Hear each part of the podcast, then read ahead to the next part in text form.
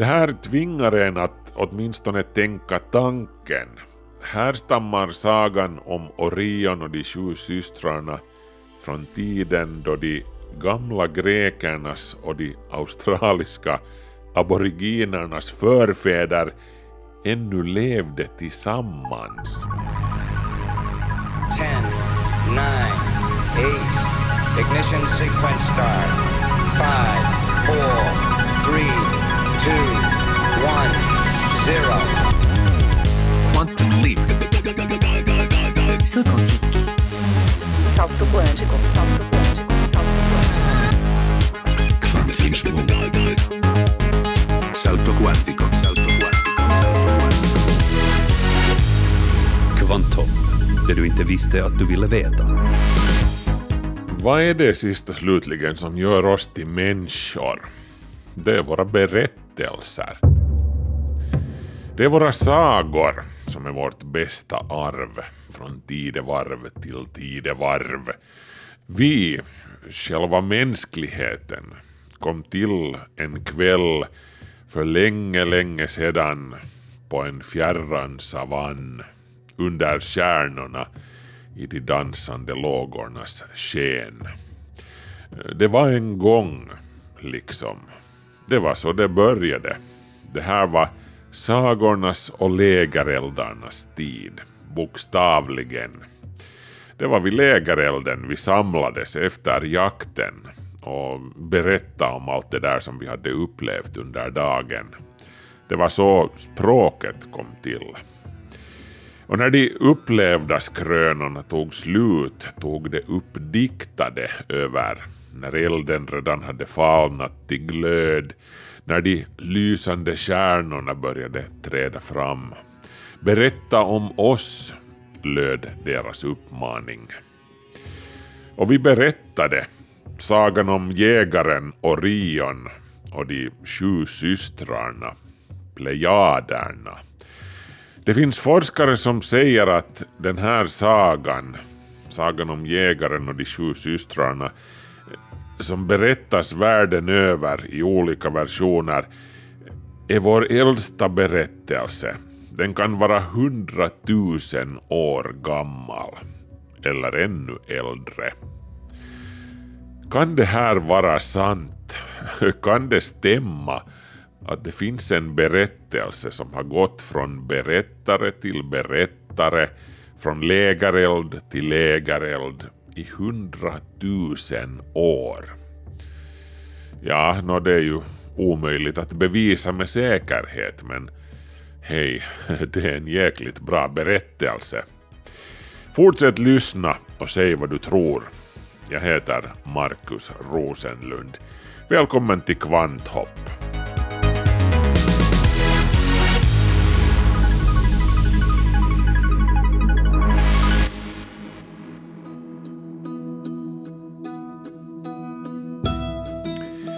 Skalden Hesiodos påminner oss om följande sanning som gäller inte minst så här års. Och om längtan griper dig att segla på stormiga hav, när plejaderna flyr den mäktiga Orion och kastar dig ut på de dimmiga djupen där alla byiga vindar rasar. Håll då inte ditt skepp på det vinmörka havet, utan lyd mitt råd. Minns att bearbeta jorden.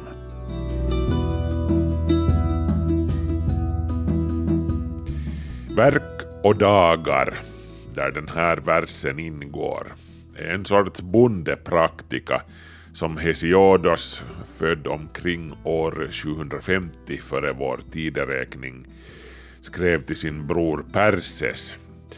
Eh, brodern var uppenbarligen en lat odåga som hellre hängde på torget och sprang efter kvinnfolk än kämpa för det dagliga brödet på familjens jordbruk. Nå, Hesiodos bror kunde ju åtminstone ursäkta sig med att själva gudarna inte var desto bättre än han. Jag menar, gudarna uppe på Olympen, de, de söp ju och låg runt precis så där som det gick till i hamnkvarteren nere på jorden. Och att vara kvinna, det var inte heller lätt på den här tiden. om en gud riktar sin lustfyllda blick mot dig så tja, nå då var ju goda råd dyra. Vilket må illustreras av sagan om jägaren Orion och Plejaderna, temat för veckans avsnitt av Kvanthopp. Plejaderna var de sju vackra döttrarna till titanen Atlas och havsnymfen Pleione. Döttrarnas namn var Maja, Taigete, Elektra, Asterope, Kelaino, Alkyone och Merope. Och Plejaderna har ju lånat sina namn åt stjärnhopen med samma namn, den som Hesiodos hänvisade till. Men innan vi berättar den sagan, några ord om de verkliga Plejaderna.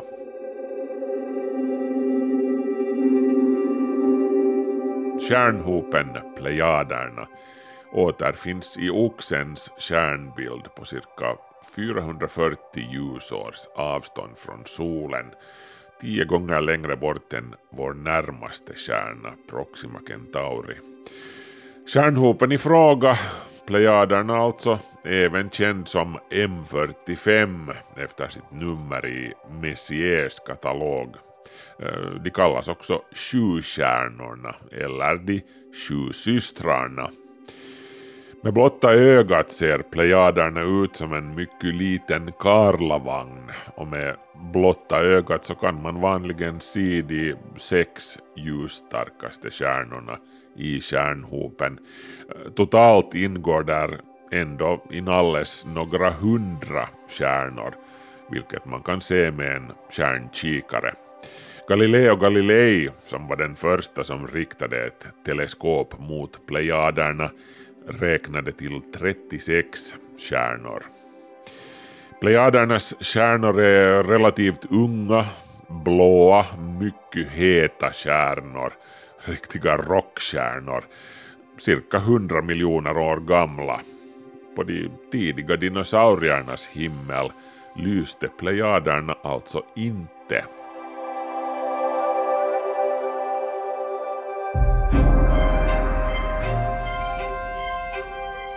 Människorna har känt till och observerat plejaderna sedan förhistorisk tid. En avbildning av plejaderna återfinns bland annat på den så kallade himmelsskivan Inebra, en bronsskiva med guldsymboler från den så kallade Urnefeldskulturen i nuvarande Tyskland.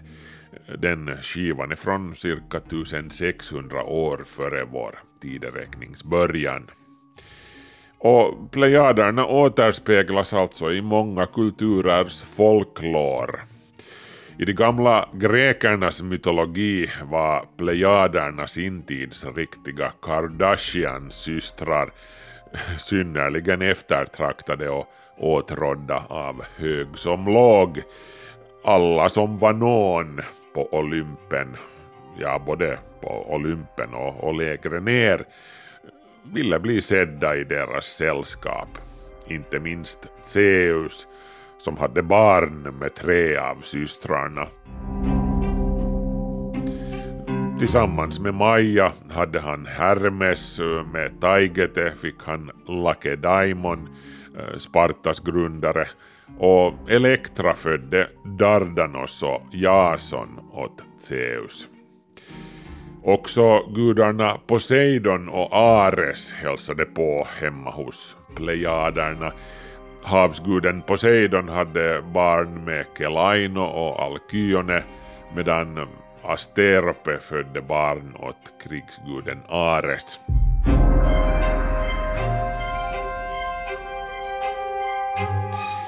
Systrarnas kollektiva namn, plejaderna, kommer från deras mamma Pleione. Eller så hävdar vissa, andra menar att det är mera troligt att namnet härstammar från grekiskans pleo som betyder att segla eller navigera. Sjömännen var mycket bekanta med den här stjärnhopen. Eh, ytterligare en förklaring anknyter till det antika grekiska ordet för duvor, Peleiades.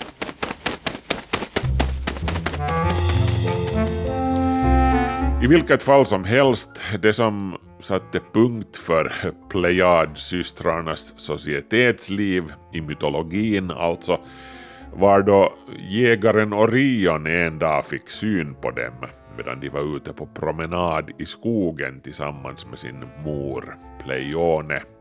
Orion, son till Poseidon, han var en bjässe till kar. Så stor var han, sades det, att han kunde gå på det djupa havets botten och, och ändå ha huvudet ovanför vattenytan. Ja, han kunde naturligtvis också gå på vattnet eftersom han var havsgudens son. Om Orion sägs det ytterligare att han blev lite för närgången med Artemis, jaktens och kyskhetens gudinna. Och därför skickade hon upp honom till himlen som en stjärnbild för att bli av med honom. Enligt en annan berättelse var det Artemis tvillingbror Apollon som inte gillade att Orion strök runt omkring hans syster, så han lurade sin syster Artemis att skjuta prick med sin pilbåge, en utmaning som hon gärna tog emot, eh, mot ett mål som sen efteråt visade sig vara Orion. Och så dog Orion på det viset och Artemis placerade upp honom på himlavalvet. It's complicated som de säger.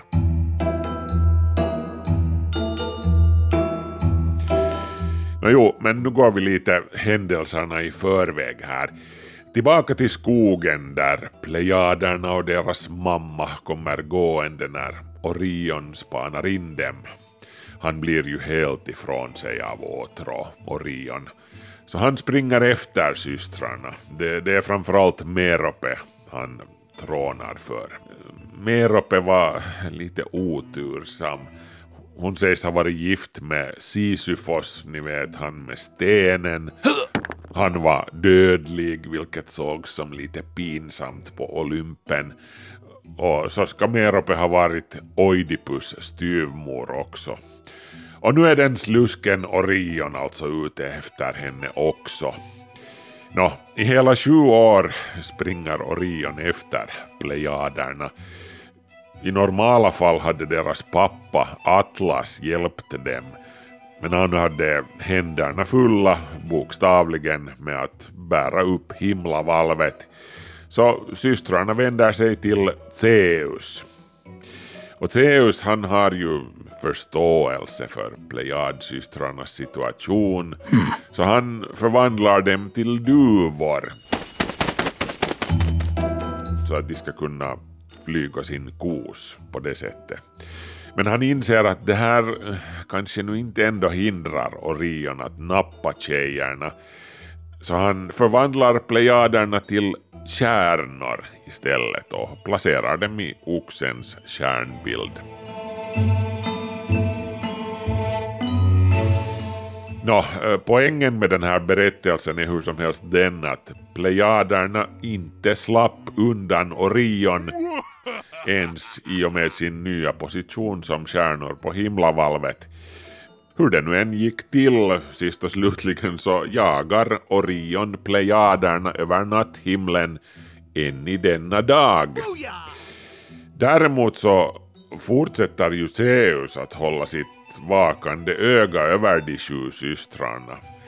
Eh, Mittemellan plejaderna och Orion på stjärnhimlen hittar vi Aldebaran, den röda stjärnan som kallas oxens eller tjurens öga. Och tjuren brukar ju associeras med vem då? Jo, Zeus.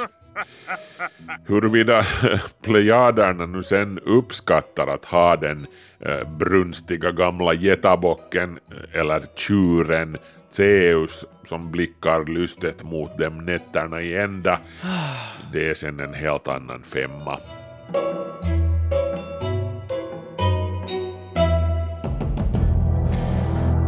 Hur som helst, den här berättelsen, jägaren Orion och de sju systrarna, är med andra ord ett välbekant element från den grekiska mytologin. Men visste du att det finns mer än 90 andra berättelser från andra kulturer världen över som berättar sina egna versioner av samma legend? Det här vet vi bland annat tack vare den ryske akademikern Jurij Bereskin till vars livsverk det har hört att sammanställa en databas om de här olika myterna kring de sju systrarna och många andra myter också. Eh, men vad är det då som har fått så många kulturer att spinna sina segnar kring just de här stjärnorna, stjärnhopen Plejaderna? Och kan det stämma att sagan om jägaren och de sju systrarna kan ha en kärna som är gammal som mänskligheten själv, kanske så mycket som hundratusen år gammal, eller ännu äldre? Låt oss titta närmare på det påståendet.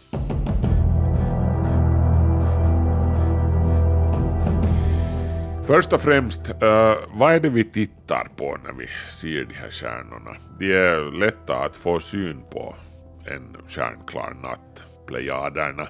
Och det har ju säkert bidragit till att de har fått en så prominent plats i olika mytologier.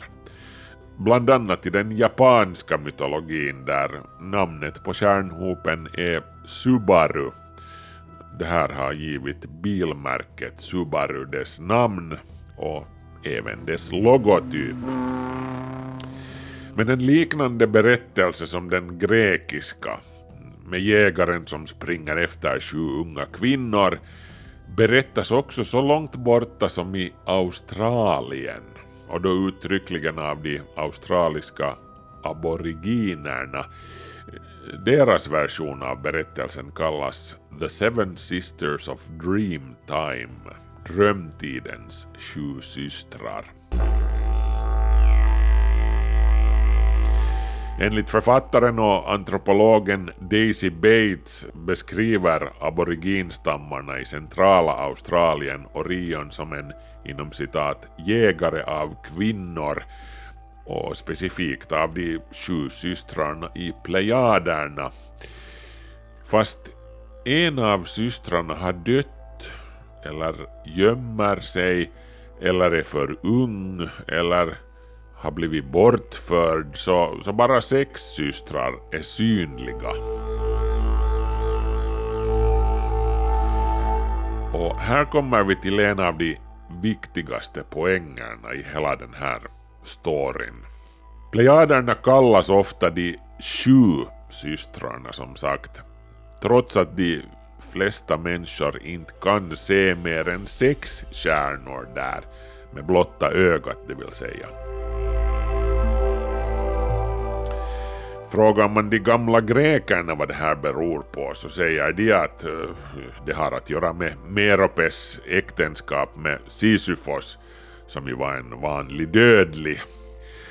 Just den där samma Sisyfos jo som blev dömd till att rulla en stor sten uppför en kulle om och om igen i all evinnerlighet. Merope var den enda av plejaderna som hade ihop det med en dödlig man och det var så pinsamt och skandalöst att hon bleknade bort ur sikte. Så går alltså berättelsen i det gamla Grekland. Liknande berättelser om den inom citat förlorade plejaden eh, återfinns i folkloren hos diverse europeiska, afrikanska, asiatiska, indonesiska, amerikanska och australiska ursprungsfolk. Många kulturer vidhåller att klustret har sju stjärnor, men de medger att bara sex går att se i normala fall. Och det här varför den sjunde är osynlig, det förklarar de sen på olika sätt. Innan vi går in på hur det här kanske går att använda för att åldersbestämma den här sagan ska vi titta närmare på hur det kommer sig att de australiska aboriginernas berättelser är så lika de gamla grekernas. Bägge kulturer associerar alltså plejaderna med unga kvinnor, ofta systrar. Likaså identifieras Orion som en man, oftast en jägare, både i Grekland och Australien. Och i bägge mytologier är Orion ute efter att göra närmare bekantskap med de unga kvinnorna så att säga, mot deras vilja. Hur har två så vitt skilda kulturer diktat upp så likadana berättelser? Jag menar, Grekland och Australien är ungefär så långt borta från varandra som man kan komma på den här planeten. Nå, nu finns det säkert de som säger att ja, ja, men de här berättelsernas likheter är inte mer än ett sammanträffande. Kanske det. Det här är alltså någonting som inte går att bevisa med full säkerhet. Låt oss vara på det klara med det. Men utgår vi ifrån att det finns ett samband där, att de gamla grekerna och de australiska aboriginerna har en gemensam källa för sina berättelser, när och hur har de i så fall varit i kontakt med varandra? Europeiska antropologer trodde från början att europeiska invandrare hade med sig den här grekiska historien i bagaget till Australien där aboriginerna sen anpassade den för sina egna syften. Men den här förklaringen den, den håller inte riktigt. Dagens forskning tyder på att aboriginernas berättelser om jägaren och de sju systrarna är mycket mycket äldre än de första kontakterna med europeer.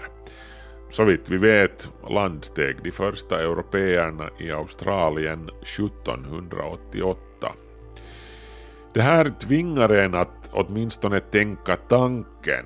Här stammar sagan om Orion och de sju systrarna från tiden då de gamla grekernas och de australiska aboriginernas förfäder ännu levde tillsammans. Perspektivet som den här frågan öppnar är ju inte så lite hisnande.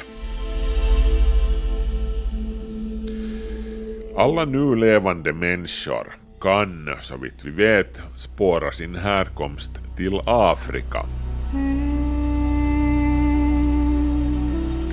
Därifrån inledde vårt släkte sina långa migrationer till jordens avlägsna hörn för cirka 100 000 år sedan.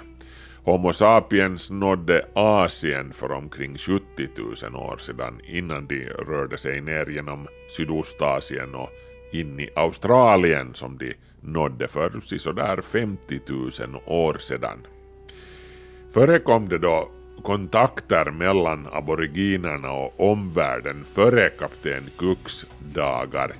Eh, tja, från början av 1700-talet vet man att det indonesiska makassarfolket skördade sjögurkor vid norra Australiens kust, men någon inflyttning till Australien från Indonesien ägde inte rum, åtminstone då.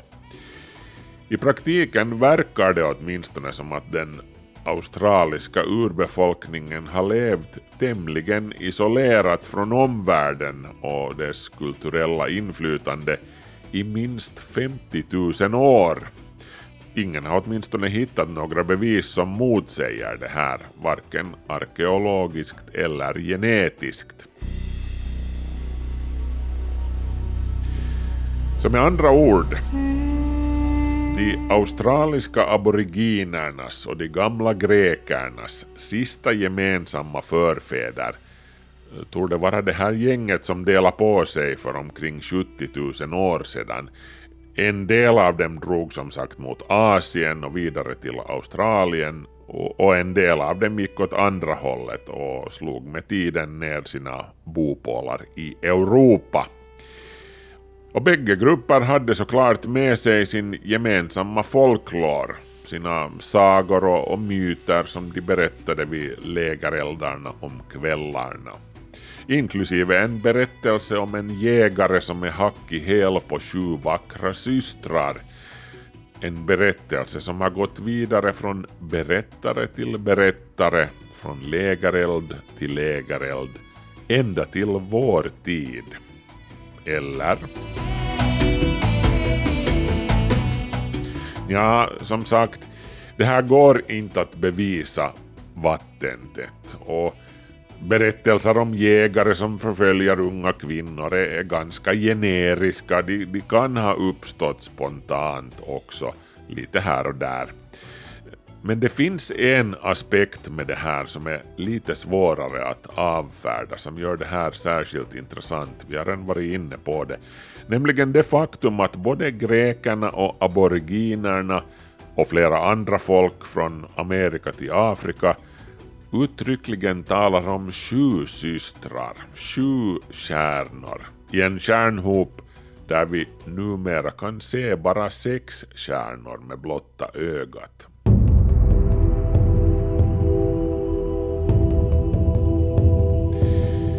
Och det här är inte bara vi som inbillar oss det hela nu i vår ljusförorenade tid. Redan den gamla grekiska skalden Aratus från 200-talet före vår tideräkning skriver om stjärnorna som han kallar de sju systrarna, men noterar Aratus bara sex stjärnor går att se där. Hmm. Andra kulturer världen över har som sagt också det här med sju stycken stjärnor och sen någon eh, mer eller mindre krystad förklaring till varför det bara är sex till antalet som man kan se. De australiska aboriginerna de förklarar alltså i sin tur det hela bland annat med att en av systrarna dog eller, eller gömmer sig eller har blivit kidnappad Eh, lite beroende på vilken stam man frågar. Inom islam går berättelsen i sin tur så att eh, en av de sju stjärnorna föll från himlen och blev till Masjid al-Haram, den stora moskén i Mekka.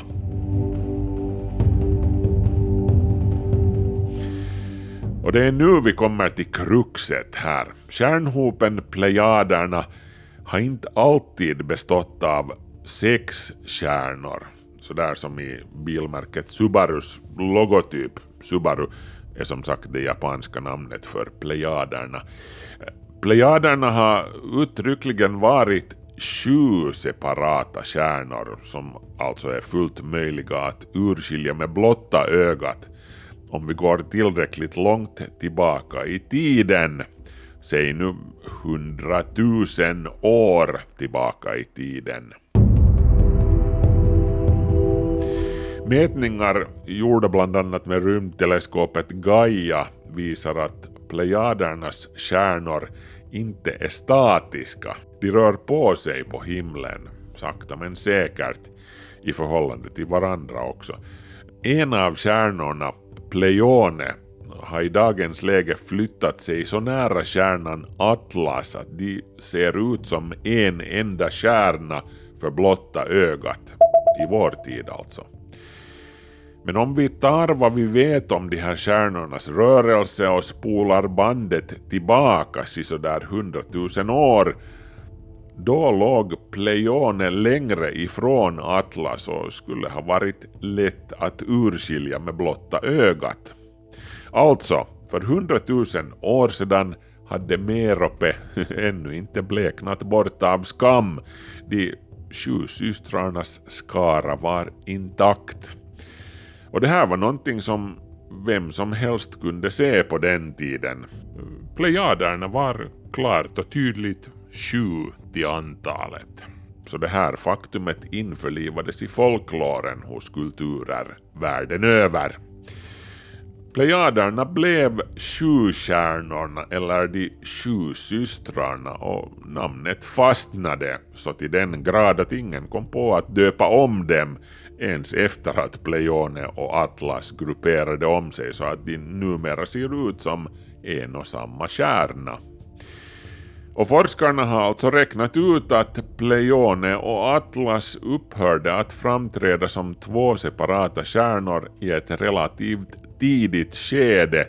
De kan ha varit svåra att urskilja redan för 70 000 år sedan, men inte för 100 000 år sedan.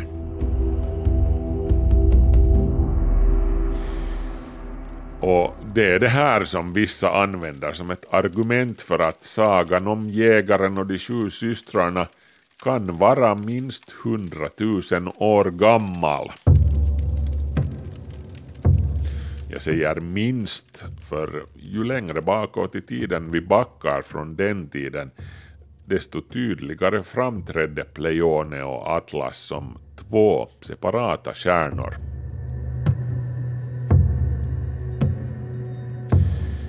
Men det här innebär ju ingalunda att saken är avgjord en gång för alla. Mysteriet bakom ursprunget till sagan om jägaren och de sju systrarna lär förbli ett mysterium. Det finns däremot andra uråldriga sagor vars ursprung det finns bättre belägg för, som berättelsen om den kosmiska jakten, en annan gammal och, vitt spridd familj av besläktade myter. De är berättelser om ett stort djur som förföljs av en jägare, ofta en björn, en älg eller en ren, och som skadas och förvandlas till en stjärnbild. Vanligtvis då de fyra stjärnorna som utgör inom citat vagnen i asterismen Karlavagnen. Det här är en story som berättas i de nordliga områdena. Också samerna har en version av den här myten. Den ursprungliga prototypen till myten kallad den kosmiska jakten måste alltså ha uppfunnits för minst 15 000 år sedan för att den ska ha spridits över Berings sund med folken som vandrade över då det existerade en landbro där under istiden.